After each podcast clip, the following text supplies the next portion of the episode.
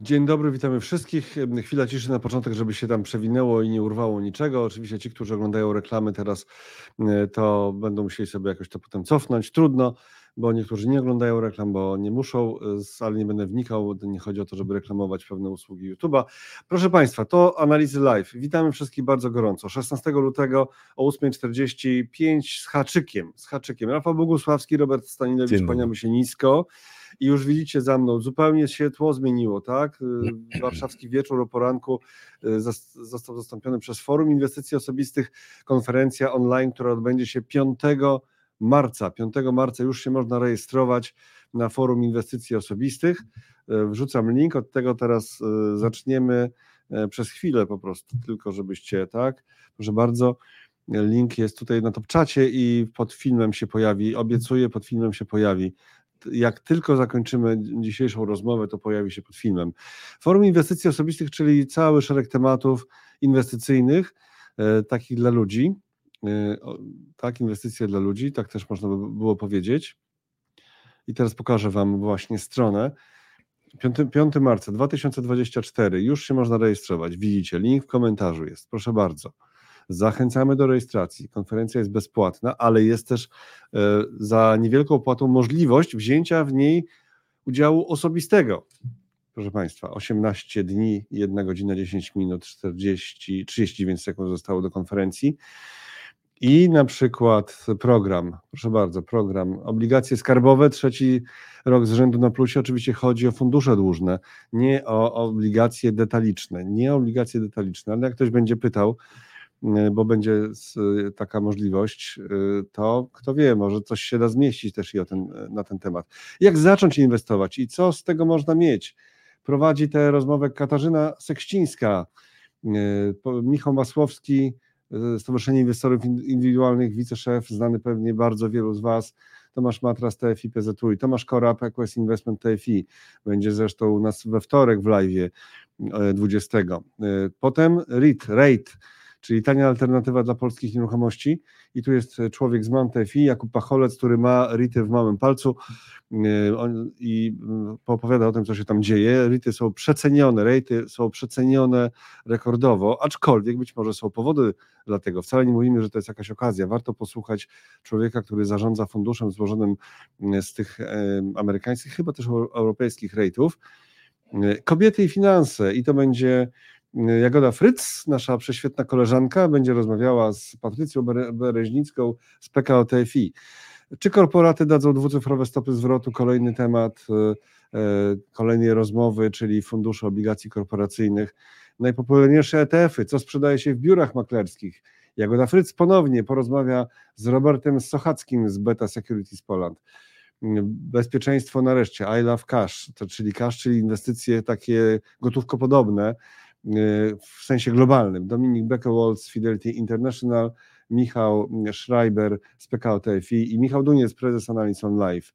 Będą najnowsze odczyty z PPK, Robert Zapotoczny, PFR, portal PPK, wręczenie nagród dla najlepszych funduszy według analiz. Y, to, jest, to nie chodzi tylko o stopę zwrotu, tylko po prostu o efektywność tych funduszy. Taka nagroda, która ma już długą historię, akcje, gdzie i jak inwestować, żeby zarobić. Też będzie e, takie spotkanie. Sebastian Buczek, Quercus TFI, Krzysztof Cesarz, Skarbiec TFI, Bartosz Dębowski, Santander TFI, no i y, ja będę miał przyjemność tę rozmowę poprowadzić.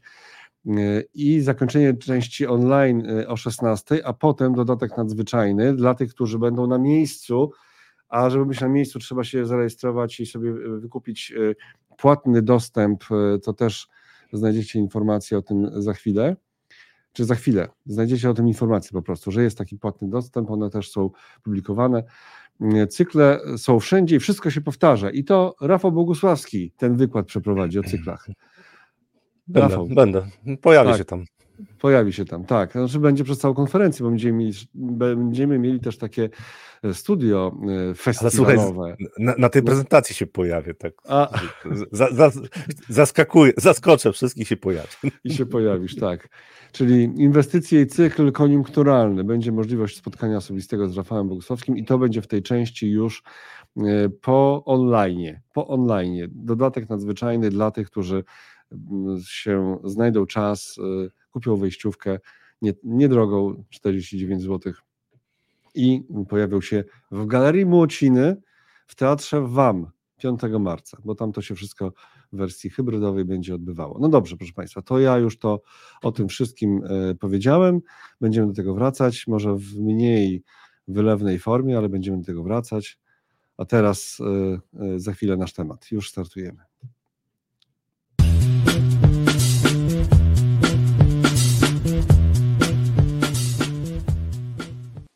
Rafał Bogusławski, Robert Stonilewicz, Analizy Live e, i gdy przychodzi giełdowa mania, e, gdy przychodzi giełdowa mania, to nie wchodzi do pokoju i nie mówi cześć, jestem mania, ale na pewnym etapie można próbować ją, a i się zaczynam, ale być może na pewnym etapie można próbować ją zrozumieć i zauważyć, aczkolwiek e, bardzo wielu osobom, tym, które dołączają się na końcu, czyli tak zwanej ulicy z całym szacunkiem, to się z reguły nie udaje, ale Rafał dzisiaj opowie o tym, jak sobie z tą manią radzić.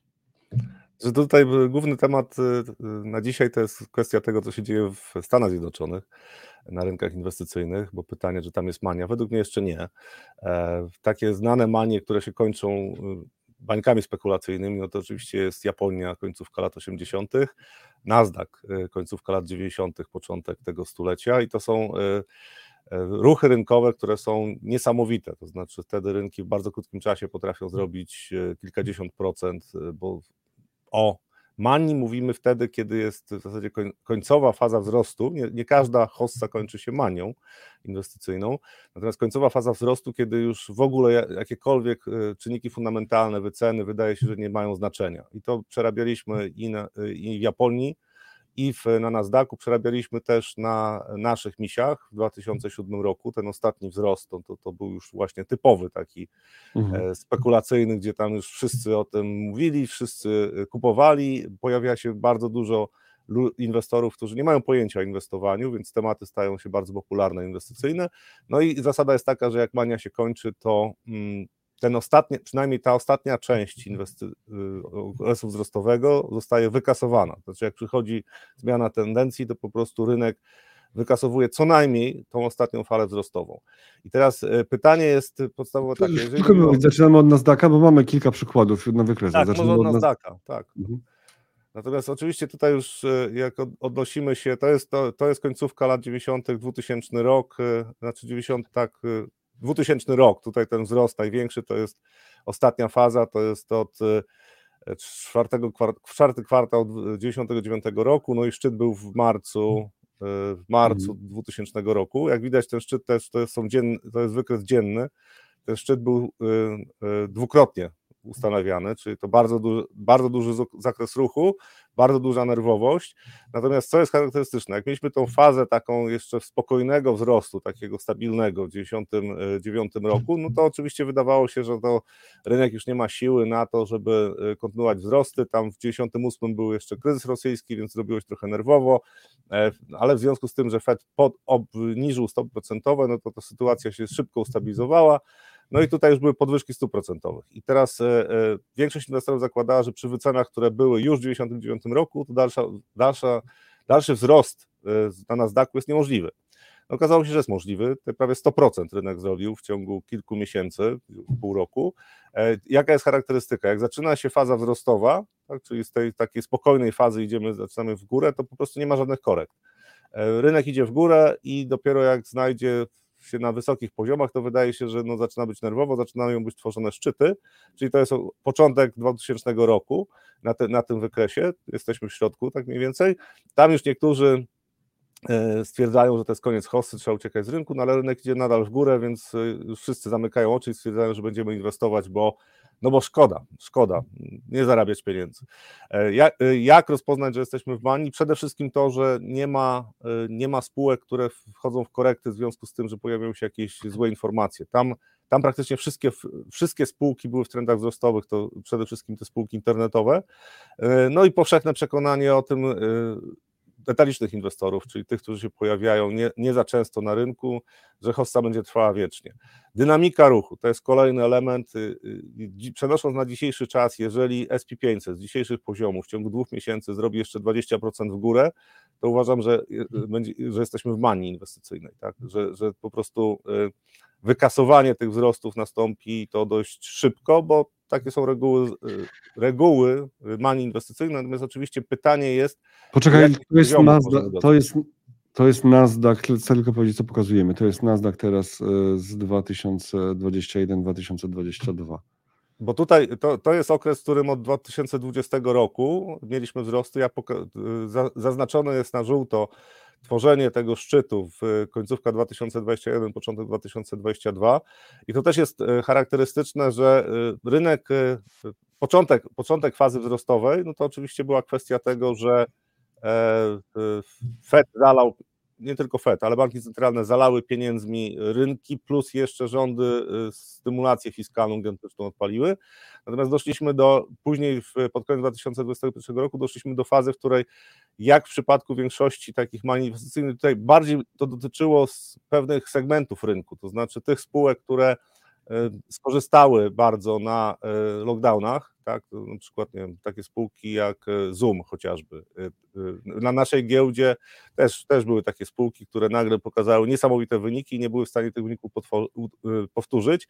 Natomiast w końcówce tej fazy wzrostowej to już przekonanie o tym, że takie spółki mogą rosnąć w nieskończoność były powszechne. Tam był tak zwane mem stoki, czyli akcje memowe, E, e, które nie miały zysków i w związku z tym, że nie miały zysków, to no, były shortowane przez dużych inwestorów, ale ulica ich przeciągała, to znaczy takie spółki potrafiły wzrosnąć po kilkaset procent, bo fundamentalnie nie było żadnych przesłanek. Tak? I tutaj, jeżeli popatrzymy na ten segment rynku, y, właśnie związany z lockdownami, plus jeszcze z tym, E, szaleństwem indywidualnych inwestorów, czyli aplikacje typu Robinhood, ten, ten obszar rynku był według mnie w manii inwestycyjnej. Natomiast cały rynek niekoniecznie. To znaczy to, co się wydarzyło potem na, e, na szerokim rynku, to było pochodne bardziej tego, że w momencie jak pojawia się Bessa, tu się pojawiła Bessa, to musi być, e, musi być upłyniane, muszą być upłyniane duże spółki, które mają dobrą sytuację, ze względu na to, że inwestorzy portfelowi nie są w stanie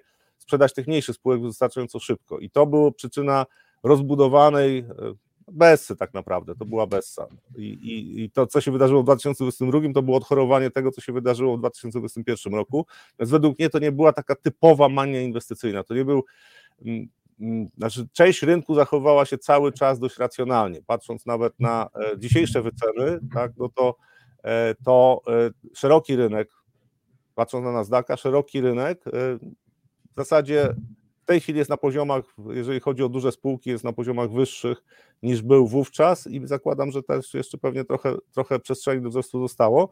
Natomiast te spółki, właśnie te, które były grane przez e, drobnych inwestorów, którzy w swojej masie spowodowali, że tam była hossa, te spółki bez e, podstaw fundamentalnych, e, to ten 2022 rok pokazał, że no, zgodnie z zasadą zakończenia manii inwestycyjnej, te spółki oddały całe wzrosty, które y, w tej fazie powiedzmy od połowy 2021 roku notowały. Tam były bardzo dynamiczne wzrosty.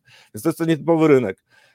Y, z punktu widzenia manii, według mnie tylko był pewien obszar manii inwestycyjnej w Stanach Zjednoczonych. Natomiast dzisiaj, przechodząc na to, co się dzieje w Stanach Zjednoczonych, to nawet nie Nasdaq, ale SP500, jak popatrzymy na to, co się dzieje w ostatnim czasie, to według mnie rynki zachowują się dość racjonalnie, to znaczy te duże spółki, te największe spółki, e, one ciągną rynek, ale one ciągną rynek nie tylko wzrostami cen e, swoich akcji, ale również wynikami. Znaczy jak patrzymy na wyniki, to cztery największe spółki, cztery z tych siedmiu spółek tak naprawdę robią wyniki i to, co wskazuje, że jeszcze nie, nie jesteśmy w manii, to są dwie spółki, to jest Tesla e, i ostatnio Apple z dużych spółek. Oczywiście tam jest dużo więcej takich spółek, które, które mogą, mhm. można wskazywać, że to nie jest mania. Dlaczego Tesla? Bo gdybyśmy byli w manii, to bez względu na problemy, które ma Tesla w tym obszarze samochodów elektrycznych, to jest właśnie Tesla, to ona od stycznia byłaby w wzrostowym. Znaczy wtedy rosną wszystkie takie spółki. To no, znaczy nie ma tak, że któraś spółka zostaje, bo ma słabsze wyniki. Znaczy rynek przestaje po prostu patrzeć na, na to, że Tesla ma problemy, czy jakaś inna spółka ma problemy, idzie do góry. No Tesla, jak widać od stycznia, trendzie spadkowym to była pochodna, jest pochodna oczywiście problemów w segmencie samochodów elektrycznych. Te informacje były, napływały wcześniej, to nie były tajne informacje. E, natomiast e, no, skala spadków też pokazuje, że rynek reaguje prawidłowo.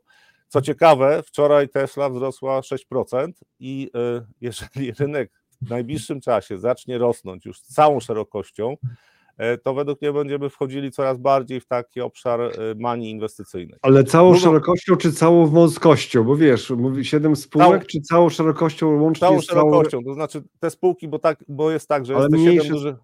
Tak, jest 7 dużych spółek, które poza Teslą i teraz Apple. Ostatnie znowu kolejna spółka, która pokazuje, że rynek dyskontuje cały czas jeszcze zagrożenia, które się pojawiają. To jest Apple, który tam na rynku chińskim będzie miał problemy e, spore, więc ostatnie, ostatnie 2-3 tygodnie Apple też pokazuje, że już no nie, ma, nie ma takiego szaleństwa, jeżeli chodzi o mm. To była największa spółka kapitalizacją tej chwili, Microsoft jest największą spółką, największą spółką, natomiast to pokazuje, że cały czas jeszcze ten obszar racjonalności jest. Natomiast jak Tesla i Apple będzie y, wzrastał na kolejnych w kolejnych tygodniach, to zaczynam się niepokoić, że jesteśmy w manii. Teraz przechodząc na resztę rynku, nie wszystkie spółki są w trendach wzrostowych. E, w ostatnim czasie spółki chociażby paliwowe, e, tak, to są spółki, które nie zachowują się dobrze. To wynika oczywiście też z tego, co się wydarzyło wcześniej. Ale jak popatrzymy na różne segmenty rynku, to nie wszystkie, nie wszystkie branże, nie wszystkie obszary rynkowe są w takim samym tempie rosną. Natomiast jest grupa spółek, zwłaszcza ostatnio sztuczna inteligencja, może nie ostatnio, ale trochę wcześniej sztuczna inteligencja i znowu teraz ten temat, ten temat zaczyna być e, e, bardzo popularny e, i, mm, i to jest jeden obszar i drugi jest związany teraz jeszcze z z kolejnymi takimi pomysłami, którymi inwestorzy znaczy próbują znaleźć uzasadnienie do kolejnej E, fazy wzrostu. Ale przede wszystkim, jak patrzymy właśnie na e, te spółki, wzrosty w ostatnim czasie e, spółek E, opartych na sztucznej, znaczy, które mają zyskiwać na sztucznej inteligencji. Plus jeszcze ostatnio jest Hossai e, na Bitcoinie i tutaj też ta grupa spółek zaczyna być ciągnięta mocno w górę. To są takie sygnały wskazujące na to, że już część rynku zaczyna wchodzić w, w manię inwestycyjną. Jeżeli w najbliższym czasie cały rynek szeroki zacznie rosnąć, czyli większość spółek będzie rosła. Te, które już rosły y, z tych dużych, ale też te e, powiedzmy od Bitcoina, tak, i te od sztucznej inteligencji, jeszcze dołączy parę innych spółek, no to prawdopodobnie e, skończymy z przytupem 20% y, w górę, 30% w górę, 40% w górę, nie wiem. To jest kolejna, kolejny problem, jeżeli wchodzi rynek w manię inwestycyjną, że nie da się wyznaczyć limitu, zakresu wzrostu, do którego ten rynek może dojść. I właściwa strategia, jeżeli jesteśmy w manii inwestycyjnej, to jest stopniowo zmniejszać zaangażowanie e, na rynku akcji. To znaczy, jeżeli e, wchodzimy w taką fazę bardzo dynamicznych wzrostów, to oczywiście jak mamy e, twardy charakter i potrafimy panować nad emocjami i dużo szczęścia, to jesteśmy w stanie zostać milionerem dość szybko lewarując rynek. Natomiast warto pamiętać, że takie zakończenie wzrostów była najczęściej zaskakujące, bo nikt nie powie, aha, to jest już ten szczyt y, i to cofnięcie tam 5% to jest właśnie skończyliśmy manię inwestycyjną, nikt tego nie powie, nikt tego nie wie. Y, rynek może cofnąć się 5% i zrobić następny ruch rzędu 30%. I tak często, często w maniach inwestycyjnych się dzieje. Natomiast podsumowując to, przekładając na dzisiejsze zachowanie rynków, ja uważam, że rynek amerykański y, jeszcze cały czas porusza się w zakresie racjonalności, jeżeli chodzi o wyceny. E, są dyskontowane informacje fundamentalne, to jest coś, co widać na, na, na dużych spółkach i na mniejszych, e, natomiast ryzyko e, zaczyna rosnąć, to znaczy jak ten napływ kapitału będzie kontynuowany, to SP500 i Nasdaq mają szansę wejść w manię inwestycyjną. Manie kończą się praktycznie zawsze załamaniem, po prostu rynek nie jest w stanie utrzymać wzrostów już, które odbiegają od jakby fundamentalnych przesłanek. E, a przenosząc na nasz rynek polski, no to tutaj. No właśnie, jed... E, właśnie chciałem Cię o to zapytać, bo mieliśmy rynek amerykański już przerobiony. To teraz rynek polski i zaczniemy od SWIG-u, od SWIG-u 80, który ma też bardzo malowniczą historię. To jest rok 2007 i 2000, 2006, 2007, 2008. SWIG 80. Tak, no i tutaj oczywiście to jest typowe, że z takiego rynku, który był e, Mhm. Mało, mało inwestorów się nim interesowało. W 2003-2004 roku to trzeba było namawiać do inwestowania e, w SWIG, w ogóle na giełdzie, tak, żeby inwestować polskiej. No i, i takie typowe fazy rozpędzania e, manii inwestycyjnej, czyli e, zaczynamy z, od niskich wycen, małego zainteresowania, jest silna faza wzrostowa, Potem jest taka korekta, która, która tak jak patrzymy od lewej strony, taka pierwsza silniejsza korekta, tam rynki się przestraszyły, część inwestorów uciekła z, z tego rynku, natomiast rynek powraca do wzrostów, kontynuuje te wzrosty, robi się nerwowo, to znaczy pojawiają się jakieś korekty, ale dynamika wzrostów jest bardzo duża.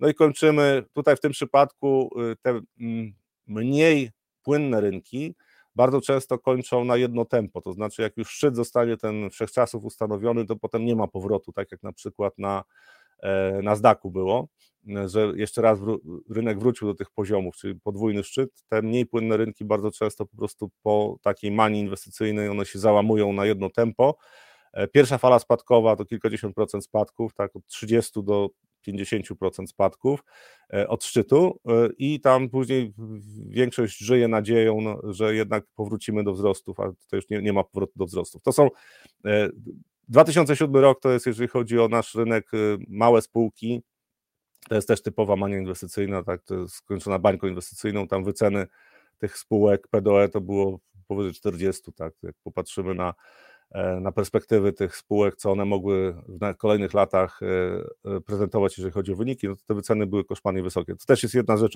oczywista, tak, że wyceny spółek muszą być bardzo wysokie, jeżeli mówimy o manii inwestycyjnej, bo jeżeli spółki są tanie i nagle zaczynają się szybkie wzrosty, no to trudno nazwać to manią inwestycyjną. To po prostu inwestorzy wykorzystują, wykorzystują sytuację, że można kupić dużo tanich spółek, tylko to się rzadko dzieje. To znaczy indywidualni inwestorzy bardzo rzadko dostrzegają rynki, które są tanio wycenione, więc te pierwsze fazy wzrostów na, na rynkach e, akcji po beście, czy po dekoniunkturze, czy po stagnacji rynkowej są dość spokojne. To dopiero później te rynki się e, rozpędzają. I teraz przechodząc na dzisiejszy czas e, polskiego rynku kapitałowego, no to tutaj e, trudno mówić o jakichkolwiek manii inwestycyjnej, ponieważ nie mamy napływu do funduszy inwestycyjnych. No właśnie, ktoś, ktoś o tym pisał w komentarzach, tak, ktoś o tym pisał, że właśnie Natomiast problem jest taki, że oczywiście my, jeżeli, jeżeli, jeżeli w Stanach Zjednoczonych hossa będzie się utrzymywała i tutaj dla mnie znacznie bardziej mm, sensownym albo takim lepszym scenariuszem byłoby schłodzenie trochę nastrojów na, rynku, na rynku amerykańskim, czyli jakaś korekta taka bardziej nawet rozbudowana w czasie, tak, żeby była, niż niż żeby była bardzo głęboka. Jeżeli taka korekta by się pojawiła, to to e, rynki będą miały przestrzeń do tego, żeby dalej rosnąć, zakładając oczywiście, że tam e, nie, nie załamią się marże spółek czy wyniki spółek. Natomiast jeżeli, jeżeli będzie kolejna fala szybkie, szybkich wzrostów, no to pewnie nasz rynek też e, przyłączy się, może mniej SWIG, ale bardziej mm, WIG20 tylko że potem nawet jeżeli nie będzie bardzo dużego zainteresowania inwestorów indywidualnych na naszym rynku, to po tych wzrostach, jak zacznie się odwracać e, e, rynek amerykański, no to my też niestety pójdziemy za rynkiem amerykańskim, to znaczy będzie, będą spadki również na SWIG-u, a przede wszystkim na WIG-u 20. No i tutaj SWIG, tak, SWIG 80. Obecnie, e, za rok. O, obecnie za rok. Mieliśmy ten od lipca do października też, no to na większości rynków akcyjnych E, w basenie atlantyckim, większość tych rynków wchodziła w taką korektę, e, no ale szybko, szybko wróciliśmy do wzrostu w listopadzie i teraz e, pytanie, tak, czy, czy rynek jest w manii inwestycyjnej? Według mnie, jeżeli patrzę na EZIK, nie te wyceny, y, te wyceny nie są na tyle mm, wysokie, żeby nie, nie można było tego uzasadnić y, perspektywami spółek.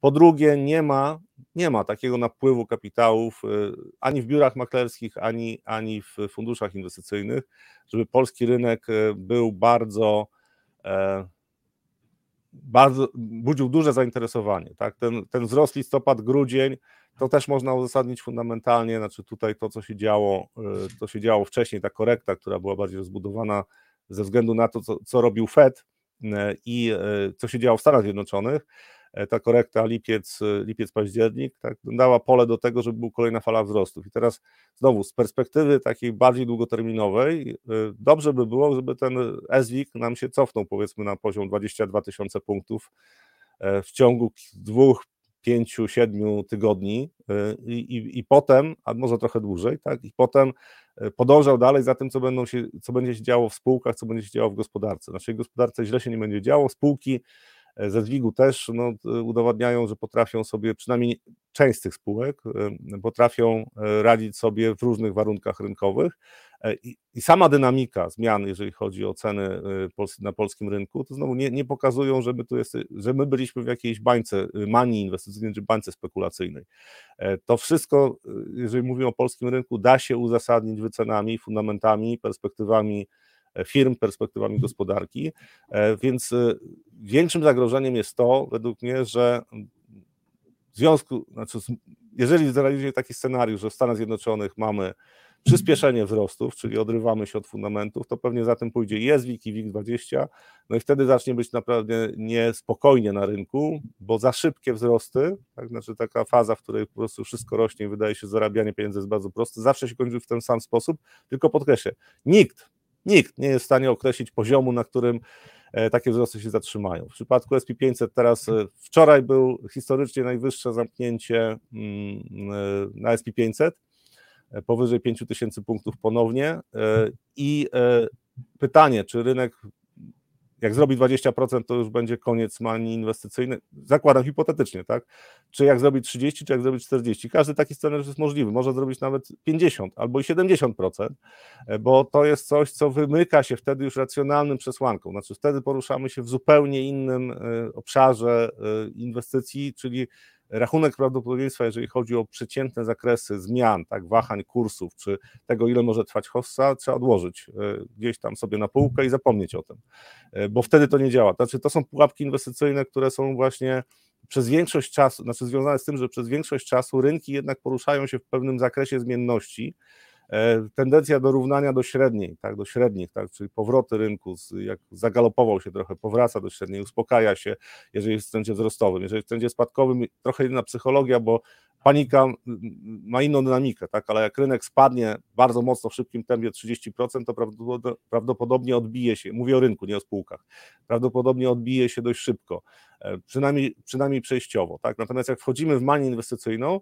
to wszyscy ci, którzy próbują e, grać na tak zwane korekty, e, czyli spadki, a teraz to już jest tak wysoko i są sygnały, bo no bo rynek stracił impet e, albo jest wykupiony, e, to stają się później paliwem, jeżeli zajmują krótkie pozycje, paliwem dla hossy. Muszą zamknąć te muszą zamknąć te krótkie pozycje i w ten sposób rynek bardzo często nowe szczyty ustanawia. Natomiast nadal jeszcze, patrząc na Stany Zjednoczone, uważam, że nie jesteśmy w takiej fazie, gdzie ludzie zamknęli oczy i inwestują. I cały czas jeszcze jest cały spory element racjonalności, jeżeli mówimy o wycen, jeżeli mówimy o zachowaniu spółek związanych z wycenami fundamentalnymi. I to wskazuje na to, że jeszcze mani w tej chwili ani w Stanach, ani w Polsce nie ma. Pytanie, czy się pojawi, nie wiem. Znaczy, to też jest jedna rzecz, na którą trudno odpowiedzieć jednoznacznie od razu. Tak, za chwilę będzie mania. To jeszcze jeden rys historyczny, y, bardzo nam bliski, czyli y, złoty. Dolar złoty tutaj pokażę. Czy to też działa na rynkach walutowych, które jednak tak. no wiesz, no, rządzą się innymi prawami, niekoniecznie napływami, chyba takie od y, inwestorów, od tak zwanej ulicy, tylko dużymi e, ruchami globalnymi. Ja, normalnymi, natomiast na jenie była e, bańka, jeżeli chodzi o wartość jena na złotym też. I tylko ja tu e, pokazujemy wykres, na którym jest odwrócona para walutowa, czyli to nie jest dolar złoty, tylko złoty dolar. Że, mhm. Żeby pokazać, że e, to, co się działo, to jest 2008 rok przede wszystkim, tutaj zaznaczony na żółto, żeby pokazać, co się działo w tym 2008 roku, jak, jaka była dynamika zmian, jak szybko ten rynek szedł w górę. E, I e, też z takiej fazy konsolidacji 2006 rok, 2007 rok, lekki trend wzrostowy, to też jest charakterystyczne, że dość często właśnie taka formowanie tego, e, tego piku, który można nazwać manią inwestycyjną, zajmuje trochę czasu. I myśmy ruszyli, znaczy nasz rynek ruszył, znaczy inaczej, złoty zaczął się umacniać, tak? Złotego. Czyli rynek złotego ruszył bardzo mocno. Dopiero w 2007 roku E, I e, w 2008, kiedy już było widać, że na świecie było widać, że na świecie pojawiają się problemy związane z rynkiem nieruchomości amerykańskich. To było widać już od przynajmniej od początku roku. Znaczy to nie było, e, znaczy w ogóle na rynku subprime to, to było widać w 2006-2007 roku. W szóstym, już tak, w szóstym, pod koniec szóstego roku już padały tam pierwsze jakieś instytucje. Natomiast dla mnie, dla mnie to, co się działo na rynku walutowym wtedy, no to potwierdzenie tego, że co pewien czas e, rynek wymyka się jakimkolwiek fundamentalnym ocenom i, i ten ruch, który skończył się w, w lipcu 2008 roku, no, zaskoczył większość analityków. Znaczy nikt się tego nie spodziewał. Natomiast patrząc na ten ruch wzrostowy, tutaj taką czerwoną kreskę narysowałem, to jest wybicie z tych poziomów, w których jeszcze rynek próbował zachowywać się w miarę racjonalnie. To znaczy bardzo wielu inwestorów w tamtym czasie próbowało grać na krótko, na sprzedaż złotego, no bo te wyceny, które już były w 2007 roku, w drugiej połowie roku, były wysokie. Znaczy, patrząc na to, że gospodarka światowa, no, perspektywy nie były aż tak świetlane, żeby, żeby zakładać, że polska gospodarka może spokojnie dalej się bardzo mocno rozwijać, że będą tak gigantyczne napływy chociażby pieniędzy. Yy, popyt tak, na, na złotego, że po prostu ta waluta będzie, będzie się rozpędzała, więc bardzo wielu inwestorów zamykało, y, otwierało krótkie pozycje i oni potem pod koniec 2007 roku stali się paliwem dla hossy na tym rynku. Lekka konsolidacja w 2008, na przełomie 2007-2008 i bardzo typowy zakończenie takiej e, bańki spekulacyjnej, czyli e, w drugim kwartale 2008 roku tak, e, rynek bardzo szybko poszedł w górę, potem lekkie cofnięcie, potem jeszcze taka konsolidacja i ten ostatni pik, ostatnie w zasadzie dwa tygodnie, trzy tygodnie wzrostu i koniec. I wtedy następuje odwrót tutaj też na jedno tempo. Tempo spadków tutaj, które pojawiło się potem, było pochodną oczywiście e, tego, że już w 2008 roku tutaj już wszyscy wiedzieli o tym, że jest problem na rynku subprime. e, i ten tempo spadków no, wynikało oczywiście z odwrotu z rynków ryzykownych aktywów, natomiast tak czy inaczej no, ten poziom wyceny złotego był nie do utrzymania. Bardzo typowa, e, z punktu widzenia psychologii, bardzo typowe zachowanie rynku, E, natomiast też jeszcze raz podkreślę to, że bo tu mniej więcej 2 y, zł za dolara płaciliśmy. Określenie tego poziomu w szczycie, określenie na którym poziomie zatrzyma się złoty było niemożliwe. To znaczy dopiero, dopiero w momencie jak rynek zaczyna się załamywać, no to widać wtedy, że e, no, jest źle, tak? Natomiast wcześniej nie da się tego określić.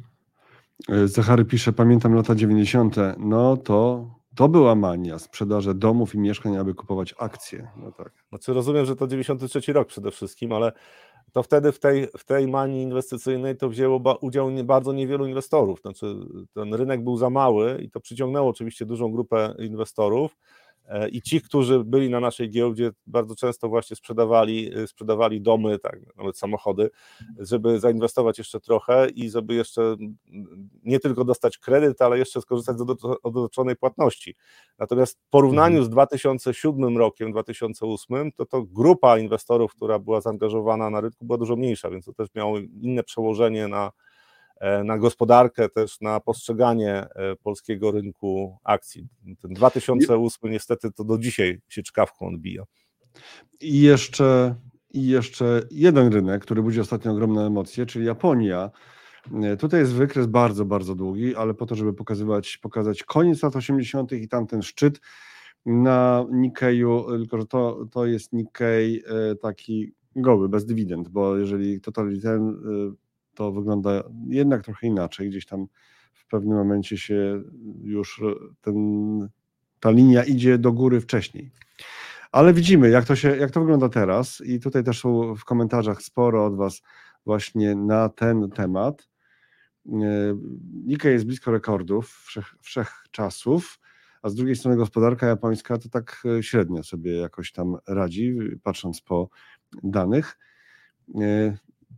To jest taki wykres 50-letni, tak? Już Państwo sobie popatrzyli na tamten szczyt i to, jak jesteśmy teraz blisko na Nikkeju. I teraz Nikkei za jeden rok, gdzie widać te ostatnie wzrosty. No i co, to jest mania, czy niekoniecznie mania? Już przełączam na ten jeden rok, ostatnie 12 znaczy, miesięcy. Patrząc w cenach zamknięcia, to jesteśmy na, na tym Nikkei 225 bez dywidend, jesteśmy 1% chyba brakuje w, w tej chwili do do szczytu wszechczasów. I teraz tak, to co się dzieje w ostatnich, w ostatnich tygodniach, według mnie jest dość niepokojące. E, e, ten ostatni ruch, tak, od powiedzmy od grudnia. E, początek stycznia zaczął się ten ruch wzrostowy i to jest niepokojące właśnie z, z kilku powodów. Jedno to jest, zapraszam, zresztą artykuł na, napisałem w, w środę się pojawił na naszej stronie. Analizy zaraz będzie link, zaraz wrzucę link. Napisałem o tym, co tam się wydarzyło. Tam zmieniono zasady dla takie konta, które można inwestować też na, na giełdzie, zwolnione z opodatkowania, zmieniono zasady po pierwsze, nie ma tam okresu czasu, w którym mogę inwestować, inwestycje są zwolnione z podatku. Jeszcze dwukrotnie zwiększono wartość inwestycji możliwych, tak? czyli ten limit inwestycyjny są podwojony i to y, zachęciło bardzo Japończyków do kupowania akcji, nie tylko akcji, ale również funduszy. I to jest ten y, lutowy wzrost, to wydaje mi się, że to już jest w dużym stopniu właśnie dyskontowanie informacji, które pojawiły się na rynku, że od początku stycznia był bardzo silny napływ e, pieniędzy ze strony tych inwestorów indywidualnych, właśnie poprzez te rachunki inwestycyjne. I, I teraz mamy kontynuację. I to jest o tyle niepokojące, że patrząc na gospodarkę japońską, to być może tam recesji nie będzie, ale te wzrosty trudno uzasadnić fundamentalną zmianą pozytywną, jeżeli mówimy o wynikach spółek chociażby. Znaczy perspektywy nie są aż tak rewelacyjne, żeby to tempo wzrostu było tak duże. I teraz dwa elementy. Jesteśmy tam jednego, jednego, 1% chyba jest poniżej, w scenach zamknięcia poniżej szczytu wszechczasów i to może być psychologia. Znaczy to, to nie ma żadnego znaczenia w tej chwili z punktu widzenia wycen spółek. Natomiast, że wszyscy wiedzą, że tam poniżej 400 tysięcy się Nikkei zamkną, to to po prostu może zatrzymać część inwestorów w tym kupowaniu akcji japońskich w takim tempie, mm, e, e, jakim kupują ostatnio. E, natomiast druga część tej historii to jest też to, co się wydarzyło wcześniej, to znaczy rynek japoński przez lata, zwłaszcza w lata 90. były stracone z punktu widzenia giełdy, w pierwsza dekada tego stulecia zaczynało się robić ciekawie, ale wielki kryzys finansowy wstrząsnął nie tylko rynkiem akcji w Japonii, ale również gospodarką japońską i ona potrzebowała trochę czasu, żeby odrobić tą, tą zapaść i dopiero w, 2000, w 2012 roku, przepraszam, zaczęły się, zaczęły się zdecydowanie e, silniejsze wzrosty. Natomiast te wzrosty wynikały przede wszystkim z e, poprawy wyników spółek to niewiele osób zauważało, że tam wskaźnik PDE w okolicach 15 się kształtował cały czas i nie rósł, pomimo tego, że rynek szedł w górę. Dlaczego? Bo spółki poprawiały wyniki. Natomiast ostatnie, ostatnie tygodnie to już jest oderwanie się od y, y, tych prognoz wyników. To znaczy, tutaj rynek zaczyna E, zaczyna e, dyskontować, e, znaczy zaczyna rosnąć nie tylko na podstawie wyników, ale również efektów mnożnikowych, czyli po prostu te akcje stają się coraz droższe. Nadal to jeszcze to nie są takie poziomy, że te akcje są wycenione tak, jak były w, 2000, w 1989 roku. To w ogóle do tego to, to mamy jeszcze długą drogę. To rynek może 100% urosnąć mniej więcej. Cena, do, cena zysk chyba była około 100, tak? No tak, tak, tak. tak. No, znaczy, powyżej, powyżej 80 to zależy jak, jak to policzyć. Tak? Okej, okay, no ale tak. tak. Ale to, dla całego rynku kosmiczne poziomy. Mhm. Natomiast y, y, tutaj wskaźnikowo to nadal to jeszcze może, może być kontynuowane, natomiast trochę niepokoju budzi właśnie to przyspieszenie wzrostu i to, że za, y, na, napędzają to też indywidualni inwestorzy japońscy. Znaczy oni, tak jak, każdy, jak na każdym rynku indywidualny inwestor może, może się przestraszyć. Natomiast Chyba te kryteria mani inwestycyjnych według mnie nie są spełnione tutaj. Sporo fundamentalnie, tak, znaczna część tego ruchu jest fundamentalnie uzasadniona, z tym, że no, ten luty to już trochę tak bardziej optymistycznie inwestorzy spojrzeli, spojrzeli w perspektywy japońskiej gospodarki.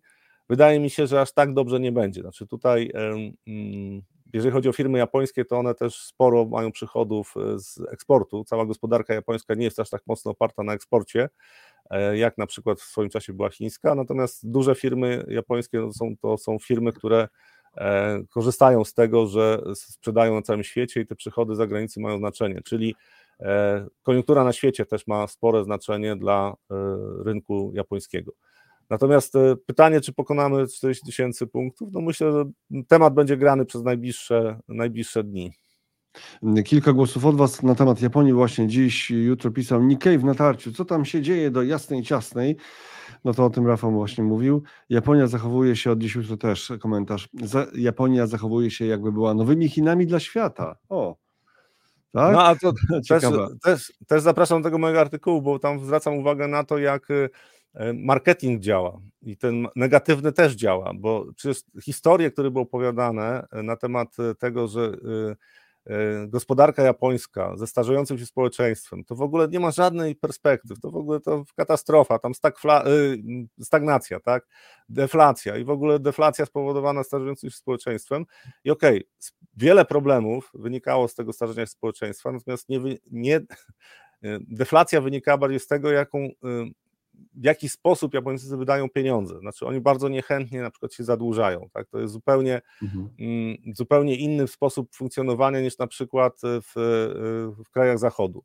Natomiast to, że gospodarka japońska była w stagnacji, to tylko jest ćwierć prawdy, tak bym to powiedział. No, ale marketing był taki, że większość ludzi, jak mówiła, słyszała Japonia, no nie, no to tam nie ma, nie ma żadnych perspektyw, żeby ten rynek się rozwijał. No i teraz jest konsekwencja tego, y, budowanie tej pozytywnej historii dla Japonii, no w zasadzie od 2012 roku się rozpoczęło, to znaczy potrzeba było dekady, żeby teraz było takie przyspieszenie wzrostu, gdzie zaczynają też rosnąć wyceny. Tak? Wcześniej to było oparte na wzroście wyników, który nie był specjalnie zauważany przez y, szerokie grono inwestorów, tak, bo y, domy inwestycyjne czy instytucjonalni inwestorzy, duzi inwestorzy, przynajmniej niektórzy zauważali Japonię, jeżeli chodzi o wyniki, to choćby Warren Buffett, tam, on ma chyba pięć spółek japońskich w portfelu, mm, dużych spółek japońskich w portfelu y, i y, kupował te spółki no, przede wszystkim dlatego, że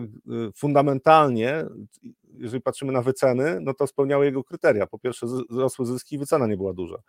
No i czekał, do, czekał na to, że w pewnym momencie e, tłum inwestorów to zauważy i wzrosną wyceny, no i pewnie teraz będzie stopniowo zmniejszał zaangażowanie na rynku japońskim, bo tak działa taki inwestor jak Warren Buffett.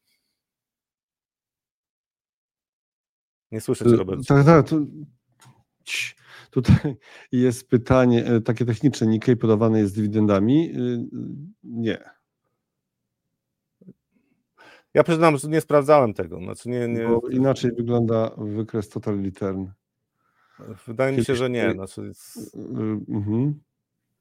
że to jest tak jak większość tych indeksów, które e, tak jak SP500, tak, e, że tutaj po prostu e, dywidendy są zdejmowane z e, Tak, tak, ja kiedyś pokazywałem, ja kiedyś pokazywałem tutaj z fact sheetu taki, taki obrazek e, od.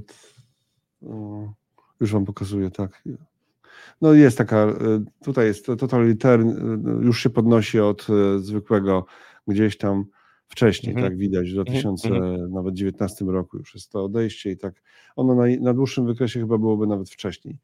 E, bo tutaj te wykresy razem startują i tutaj widać, jak, e, jak się rozchodzą. Tak? Na dłuższym wykresie to ten początek tego rozchodzenia się znacznie, znacznie wcześniej, oczywiście. E, to taka techniczna kwestia. Mhm. I oj tam, e, o, oj tam, Nikkei w okresie stuletnim jest mocno na plusie, więc wszystko jest ok. Troszkę cierpliwości ludzie, nie bać się spadków, czas leczy rany. tak. Czas leczy rany, a Piasecki, tak. a Piasecki wszystko wyciąga, tak? Można w ten sposób tylko, tylko po co, po co na, e, wtedy inwestować, skoro nie można z tego korzystać? No, może po to, żeby po prostu mieć z tego satysfakcję. Nasza dżownica dzisiaj na fali, nawet nie zaglądamy, tak, bo my odchodzimy, odchodzimy od podawania jakieś tak na bieżąco e, mhm. notowań. No dobrze, to, Nike, to za, chyba już e, chyba już e, załatwiliśmy tę sprawę manii, ale na pewno, na pewno są tacy, którzy chcieliby twojej deklaracji, czy to jest mania w Stanach, czy nie. Nie, tak usłyszałem. Nie w Stanach. Znaczy, nie. według mnie jeszcze nie. No, jak zrobimy 20% w 6 tygodni, to jesteśmy w manii. 20% w 6 tygodni, a nie jesteśmy do tego, że duże spółki, które mają jednak jakieś ryzyka zagrożenia Tesla czy Apple, e, nie idą. Jak będą ignorowane złe informacje, no to, już wtedy jest szaleństwo. Tak? Znaczy Czy jest, jest... jest w tej chwili rynek jest powiedzmy wysoko wyceniony i trochę ostatnie wzrosty tam już są e, zbyt optymistyczne, natomiast to nadal nie jest, e, nie jest tak, że stado inwestuje po prostu nie patrząc na to, co się dzieje w spółkach, patrzą i to uważnie, więc to nadal, nadal te wyceny, które są na rynku amerykańskim, tylko wskazują na to, że e, e, w stosunku do średnich, historycznych trochę jest za drogo, natomiast to nie jest poziom wycen, który nie można uzasadnić tym, co się dzieje w gospodarce, tym, co się dzieje na rynku. E, tutaj uwaga techniczna, że na pasku był czwartek 16 lutego, podróż w czasie. Już dziękujemy bardzo za zwrócenie uwagi. Takie drobne te druczki, a my je, mamy już swoje lata. Trzymamy kciuki za manię, za manię Za Manię. Trzymamy kciuki. To ładne imię, tak? Za uwagę techniczną dziękujemy Bartoszowi bardzo serdecznie z Facebooka. Mm, że co? Że próbują działać w turystyce? A, Dubaj, Dubaj. Wydaje się, że Dubaj to wielka przepalonka kasy bez fundamentów. Trochę ostatnio o tym czytałem. Magia ropy przemija. No to o tych bańkach, o tych maniach już się, tymi maniami już się nie będziemy mm, zajmować. Nasza dżdżownica dzisiaj na fali, to już pokazywałem. To teraz jeszcze kilka tematów już tak, które są w opisie, już tak na biegu, y, y, mówiąc krótko, czyli na przykład kolej, kolejna historia, którą mamy dzisiaj jeszcze do zaakcentowania, to Europa, europejskie firmy, które nie dowiozły wyników, I to jest, tutaj dane pojawiają się te, podobnie jak jest sezon wyników w Stanach, e, czyli wyniki za czwarty kwartał ubiegłego roku, w Europie też, tylko w Stanach Zjednoczonych tam ponad 78 chyba procent e, firm poprawia, e, bije prognozy, i, a w Europie jedna trzecia spółek, trochę ponad jedna trzecia spółek zaraportowała wyniki, natomiast ponad połowa nie pobiła oczekiwań. I to jest w ogóle jedna z rzeczy, którą ja zwracam uwagę, to też patrzę na rynki europejskie, na to, co się dzieje na rynku, rynku europejskim e, i uzasadnienie, że po prostu wyceny są niższe, bardziej atrakcyjny jest ten rynek, no okej, okay, to można to kupić, tylko jeżeli patrzymy na to, jak zachowują się firmy amerykańskie i co tam się może dziać z wynikami też tych największych firm, które ciągną indeksy, tak, patrząc na indeksy, to te największe firmy mają znaczenie, to różnica jest kolosalna, to znaczy europejski rynek, patrząc przez pryzmat fundamentów i tego, w jaki sposób zachowują się spółki, jak e, e, zarządzają też informacją, tak, bo pokonywanie oczekiwań, znaczy pokonywanie oczekiwań rynkowych to też jest sposób zarządzania informacją, żeby rynek nie, nie, nie zakładał zbyt optymistycznie, że będzie zbyt dobrze, tak, bo potem jest rozczarowanie, ale na europejskim rynku to w ogóle jest problem e, według mnie taki strukturalny, że po 2020 roku, po lockdownach, taki wstrząs zazwyczaj powoduje duże zmiany w zachowaniu firm również, że y, to, co widzę w tej chwili, to jest powrót do stagnacji. To początek poprzedniej dekady to było właśnie cały czas słyszałem o tym, że rynek europejski jest y, y, bardziej atrakcyjny, wyceniony dużo lepiej niż amerykański, a w dodatku już za chwilę będzie ożywienie w gospodarce. I to zajęło 5 lat ponad, zanim tak naprawdę pojawiło się jakieś ożywienie w gospodarce europejskiej. I teraz pytanie, czy Europa czy spółki europejskie znowu nie wchodzą w taki okres stagnacji i prasowania marsz. To jest największe zagrożenie według mnie w Europie, że firmy ze względu na to, że y, gospodarka się zaczyna stabilizować, nie będą w stanie zrobić tego, co zrobiły w 2020-2021 roku, czyli podniosły sobie marże, bo mogły. E, to y, jeżeli ten scenariusz będzie realizowany, no to na najbliższym czasie właśnie będziemy mieli coraz częściej negatywne informacje z Europy. Tutaj kolejny temat, czyli strefa euro wchodzi w stagnację. Europejski Bank Centralny zakłada, że w tym roku tylko wzrost będzie 0,8% w strefie euro. E, był wcześniej 1,2, to też nie jest to bardzo imponujący tak poziom wzrostu. Natomiast e, te obniżki tempa wzrostu gospodarki europejskiej według mnie będą e, pojawiały się coraz częściej. Znaczy dla strefy euro tutaj ten rok może być bardzo trudny. To też dyskusja na temat obniżenia stóp procentowych w Europie. Według mnie Mm, Europejski Bank Centralny będzie zmuszony obniżać stopy procentowe szybciej niż, e, niż w tej chwili e, deklarują chociażby e, przedstawiciele Europejskiego Banku Centralnego. Tak? Te obniżki mogą być nawet szybsze niż w Stanach Zjednoczonych, bo gospodarka europejska będzie słabła. Pytanie, czy będą chcieli silnego spowolnienia gospodarczego, żeby obniżyć inflację, nie wiem. Natomiast wygląda na to, że gospodarka europejska wraca do tego marazmu, który był w, przez większość poprzedniej dekady tak naprawdę w tej Europie niewiele się działo pozytywnych rzeczy, jeżeli chodzi o y, tempo wzrostu gospodarczego, przede wszystkim o marże firm e, notowanych na giełdach i, i teraz znowu wydaje mi się, że będą problemy z marżami na, europejskich, na europejskim rynku akcji. Słuchaj, mamy komentarz, który nawiązuje jeszcze do kwestii manii i mamy komentarz od Tomka Narkuna. Myślę, że większość kojarzy e, facet od nieruchomości na różne sposoby. Panowie, my to przewidzieliśmy rok temu w Karpaczu. No my, no miałeś prezentację, tak, i tam na, w, w twojej słynnej prezentacji było tam e, taki rysunek piękny, rakieta i tam jakieś historie. E, fajnie, że w końcu ktoś wspomina o fazie manii, która kończy wieloletni cykl. I tutaj Tomek przypomina swoją twarde, twardą prognozę do 2025-2006 boom, a potem bust. Sprawdza się też na nieruchomościach. No to jeszcze poczekajmy, na, czy będzie 2025 ten z przytupem, koniec hossy, tak? No, bo, czy, czy, będzie mania wtedy, tak? Boom, boom ma być do 2025, no. Tak, no. Zobaczymy, zobaczymy. Ty, ty nie postawisz takiej, nie, nie, nie, nie powiesz, nie, nie, 2027. Znaczy, znaczy patrząc, patrząc cyklicznie, tak, na, na, mm, patrząc też ile czasu potrzeba na, na dostosowanie gospodarki, to szczyt w 2025 roku jest możliwy, E, I, i, I, wtedy faktycznie tam okres jakiejś e, dekoniunktury większy się pojawił. E, natomiast jest jeszcze taki scenariusz, o którym ja wspomniałem teraz w kontekście tego, co się dzieje ostatnio na giełdzie, że te wzrosty po prostu będą dużo szybsze i ten, ten szczyt będzie w tym roku. Tylko to naprawdę musiało być przyspieszenie zdecydowane jeszcze wzrost, tempa wzrostów na, na giełdzie. Jeżeli jeżeli rynki będą e, w trendzie wzrostowym się utrzymywały tak, i będą jakieś ruchy korekcyjne, kilkuprocentowe, kilkunastoprocentowe nawet, e, to e, no, do 2025 możemy, nawet do 2026 możemy spokojnie trend wzrostowy utrzymać na rynku. Wszystko, znaczy bardzo dużo zależy od tempa wzrostu rynku. Przy pewnym tempie wzrostu aktywów, no już zaczyna być bardzo niebezpieczne oczekiwanie na to, że ten Szczyt będzie w 2025 roku.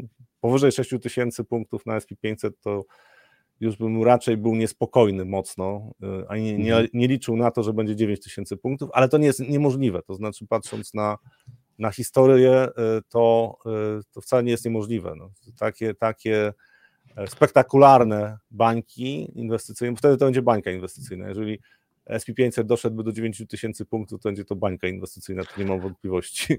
E, Tomek jeszcze pisze, ekonomiści nagłówki gazet zaprowadzą was zawsze w ciemną ulicę. Gdzie ta recesja? Znak zapytania. Jeszcze trochę irracjonalnych wzrostów przed nami, banki ponownie zaczną luzować pożyczanie i skończy się jak zawsze.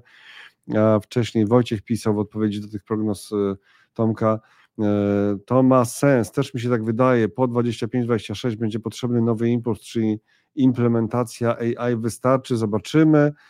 E, super sticker za 5,99. Dziękujemy bardzo mm, e, za, tą, za, to, za tego stickera. Oczywiście, e, jak, jak pamiętacie, jeśli pamiętacie, to możecie stosować tę metodę wspierania kanału. Chociaż na, na razie jesteśmy na takich poziomach sympatycznych, no, ale y, świata niezmieniających. Dziękujemy bardzo za to, co jest. E, tak, przepraszam, ale muszę. Dobra robota za 5,99. No, Zachary, widocznie. No, no tyle, no. Dobrze, jeśli jestem 500 e, NCWK dojdzie do 9 tysięcy, to będziemy bogaci. No tak, tak. no, tak, dokładnie. I jeszcze słuchajcie, teraz z naszego podwórka, już chyba teraz czas na nasze podwórko. Japonia, był artykuł, link gdzieś tam w komentarzach pod filmem. Przypomnij mi, Rafał, żebym pod filmem ten linki też rzucił. E, to mamy jeszcze kwestię inflacji w Polsce na przykład. Tak, to bardzo ważna kwestia. No tak, wczoraj, wczoraj mhm. inflacja CPI e, opublikowana, tam e, silne spadki, tylko ja bym zwrócił uwagę na to, że... Dajmy dane, bo może ktoś gdzieś nie, nie miał okazji jeszcze tak, że... CPI. 3,9%, tak, spad, tak. E, do, do poziomu 3,9% spadła, natomiast z, będzie też niedługo publikowana inflacja bazowa i już wyliczenia pokazują, że będzie na poziomie około 6,2%. To pokazuje, jak te najbardziej zmienne elementy, czyli ceny żywności i paliw wpływają na, e, na to, co się, co się dzieje z inflacją. I ten e, odczyt jest sztucznie zaniżony, znaczy w tej chwili jeszcze będzie zaniżony w lutym, być może częściowo w marcu. Natomiast ja, niektórzy ekonomiści zakładają, że y, w kwietniu jeszcze będzie spadała inflacja i prawdopodobne jest, że może się znaleźć nawet w okolicach 3,5%, czyli ten górny zakres celu inflacyjnego, czyli cel inflacyjny NBP to jest 2,5% i, i 1 punkt procentowy odchylenia w górę albo w dół, e, że znajdzie się w okolicach 3,5%. W tym korytarzu. Tak. W tym korytarzu, nie wiem, być może tak, natomiast dużo ciekawsze będzie to, co się wydarzy y, w kolejnych e, miesiącach, czyli od kwietnia licząc. E, I co się wydarzy w tych najbliższych dwóch miesiącach z inflacją bazową? Bo ja zakładam, że ta inflacja bazowa niespecjalnie będzie chciała spadać poniżej 6%. E, co oznacza, że jak te efekty z bazy zaczną znikać, to w drugiej połowie roku my jesteśmy dość szybko powyżej 6% z inflacją CPI. E, pytanie, czy tak będzie, nie wiem. Natomiast e, e, patrzyłem wczoraj na, na nasze, na notowania obligacji polskich, no ta reakcja była dość umiarkowana. Znaczy były lekkie spadki rentowności, natomiast to nie było jakieś wydarzenie, które potrząsnęło mocno rynkami. Okej, okay. wyłapano Rafale, e, wyłapano Rafale twoją Nokię, która gdzieś tam zapikała, to Nokia. E, to już teraz taki freestyle'owy koniec naszego spotkania e, i jest pytanie bardzo merytoryczne od Łukasza. Pytanie pół żartem, pół serio. Jak pan Rafał dokonał automatycznej wideo weryfikacji na kup fundusz bez smartfona? Ha, nie, no ja, kto powiedział, ja że, Rafał ma, że Rafał nie ma smartfona? Kto powiedział, że Rafał ma jeden telefon, tak? Drodzy, no, były czasy, że trzeba było mieć jak się okazuje po latach jakieś antyszpiegowskie. Ale nie, no słuchaj, to myślę, że chociaż kto wie, kto wie może ciebie też gdzieś tam ktoś. Może. E... Może, ale na pewno na, na Noki nie, będą, nie są w stanie mnie tak szpiegować jak na innych no. smartfonach. A, a propos jeszcze, bo bym zapomniał, jesteśmy no. przy inflacji. Dzisiaj o 14.30 inflacja PPI producentów w Stanach Zjednoczonych. E, to zazwyczaj nie ma aż takiego znaczenia jak e, inflacja CPI chociażby, bo we wtorek wydarzyło się dużo ciekawych rzeczy. E, po inflacji, która była mniej spadła niż rynek zakładał, tak, to Russell 2000 spadł 4%, a w środę, w czwartek odrobił 5%, znaczy wzrósł 5%. Tak to pokazuje, co się wydarzyło po tych danych o inflacji. Więc dzisiaj 14.30 też może być mm, ciekawie, jakby się okazało, że ceny producentów, y, że inflacja cen producentów jest wyższa niż, y, niż oczekiwana, to pewnie rynki y, jeszcze rozgrzane tymi danymi wtorkowymi pewnie zareagują. Natomiast tutaj raczej to są krótkoterminowe wahnięcia, tylko tak chciałem przypomnieć, że danych jest dużo. Mm, Rafał boi się Pegasusa, NC, NCWK y, pisze i Predatora, y, Nokia 3010, Rafał musi być bezpieczny, ależ Państwo mają słuch, przynajmniej tak znaczna część. Mm, a tutaj jeszcze Tomek o tych cyklach i swoich prognozach. Tomek Narkon pisze, Ostatniego, ostatnie lata każdego 18-letniego cyklu to szansa na dobrą emeryturę. Mądrzy i świadomi to wykorzystają. Następna szansa dopiero grubo po 2035. NCWK na to ja zbieram właśnie na ten 2035. A propos tych cykli, to właśnie jest świetny moment, żeby przypomnieć, że jest konferencja Forum Inwestycji Osobistych, o tutaj, tak, widać, o tutaj, tutaj, tutaj, Forum Inwestycji Osobistych, 5 marca 2024, to jest online i za darmo ta konferencja, tak się odbywa. Można się już rejestrować. Za chwilę przypomnę stronę ale jest wersja szczególna, bo wersja hybrydowa, w wersji hybrydowej, czyli można być na miejscu. Jest sala, są miejsca, miejscem jest e, Galeria Młociny, Teatr WAM i tam na koniec, po 16 będzie e, wystąpienie Rafała i spotkanie z Rafałem Bogusławskim na temat cykli właśnie, inwestowania, e, inwestowania i cykli koniunkturalnych. To jest taki dodatek nadzwyczajny dla tych, którzy znajdą czas i znajdą 49 zł, żeby przyjechać do Galerii Młociny w Warszawie E, do Teatru WAM e, w 5 marca 2024 roku. I oczywiście impreza tam zaczyna się już o 10, można przyjechać na całość i na całość są te wyjściówki. E, I na całość są te wyjściówki. Te wyjściówki można kupić na Kiket. Tak, właśnie, dokładnie. Proszę bardzo. Na Kikecie. Za chwilę pokażę, jak to wygląda. A jak się tam będzie na miejscu, można przyjechać oczywiście o, na 10, można przyjechać trochę później, ale jak się tam będzie na miejscu, to też y, można zostać po 16 spotkanie z Rafałem Bogusławskim. Proszę bardzo, tak wygląda to na Kikecie. Y, Forum Inwestycji Osobistych, dostęp premium, czyli wejściówka, scena gościnna Teatru WAM, 5 marca 2024, tutaj godzina 10, 17. Kawa jakaś tam będzie. Tam y, lunchu się proszę tam nie spodziewać. Y, hot dogów czy czegoś takiego, ale kawa i coś do kawy y, będzie. Także zapraszamy piątego także stacjonarnie. A teraz jeszcze wracając do niestacjonarnie, to ja jeszcze pokażę, co się będzie działo na piątym forum inwestycji, szóstym forum inwestycji osobistych. Y, już momencik, tych linków jest tyle, że już chyba maszyna się zaczyna zacinać. Nie, nie zacięła się, proszę bardzo. Tak, tak wygląda strona tytułowa miejsce, gdzie się należy rejestrować. Tak, tutaj, o, właśnie widać, zarejestruj się i potem e, tematy. Obszernie o nich mówiłem już na początku, przed, na samym starcie live'a. To będzie o, o obligacjach skarbowych, e, czy będą mia- miały trzeci rok na plusie, jak zacząć inwestować i co można z tego mieć, o funduszach e, typu REIT, REIT jak wolą puryści, e, czy to jest tania alternatywa dla polskich nieruchomości, jak wygląda sytuacja, tam ten rynek jest bardzo przeceniony, być może są powody po prostu ku temu rzeczywiście fundamentalne. Kobiety i finanse, czy korporaty dadzą dwucyfrowe stopy zwrotu, czyli fundusze, e, gdzie są obligacje korporacyjne, najpopularniejsze ETF-y, co sprzedaje się w biurach maklerskich. E, Robert Sochacki, tu muszę powiedzieć o tym, i Jagoda Fryc Analizy Online. Jagoda będzie rozmawiała z Robertem Sochackim. E, Potem o funduszach globalnie, takich najbliższych samej gotówce, czyli fundusze bezpieczne, cash się na to mówi, tak, na rynkach inwestycyjnych. PPK na fali, te liczby powinien poznać każdy, powinien znać każdy. E, Nagrody dla zarządzających funduszami za 2023 rok według metodologii analiz online i akcje, gdzie i jak inwestować, żeby zarobić i cykl koniunkturalny w inwestycjach, to jak już mówiłem, po 16 dla tych, którzy będą na miejscu bez transmisji online. No dobrze, to chyba już wystarczy tych wszystkich informacji. Te linki pojawią się, e, pojawią się pod filmem już za moment również. Dziękujemy bardzo. Rafał, chcesz coś powiedzieć na koniec? Nie, no, Zabrzmiało jak przed Plutonem, zabrzmiało jak przed Plutonem. Nie, nie, nie to miałem na myśli. Absolutnie. Straszne. ostatni posiłek. Skojarzenie. To powiedz wyraźnie, zaproś. Zapraszam. E, Zapraszam na spotkanie, znaczy w ogóle na forum inwestycji osobistych, tak, na spotkanie ze mną 5 marca e, o 16 ze mną, a o 10 w internecie będzie się działo. Oj, będzie się działo dużo.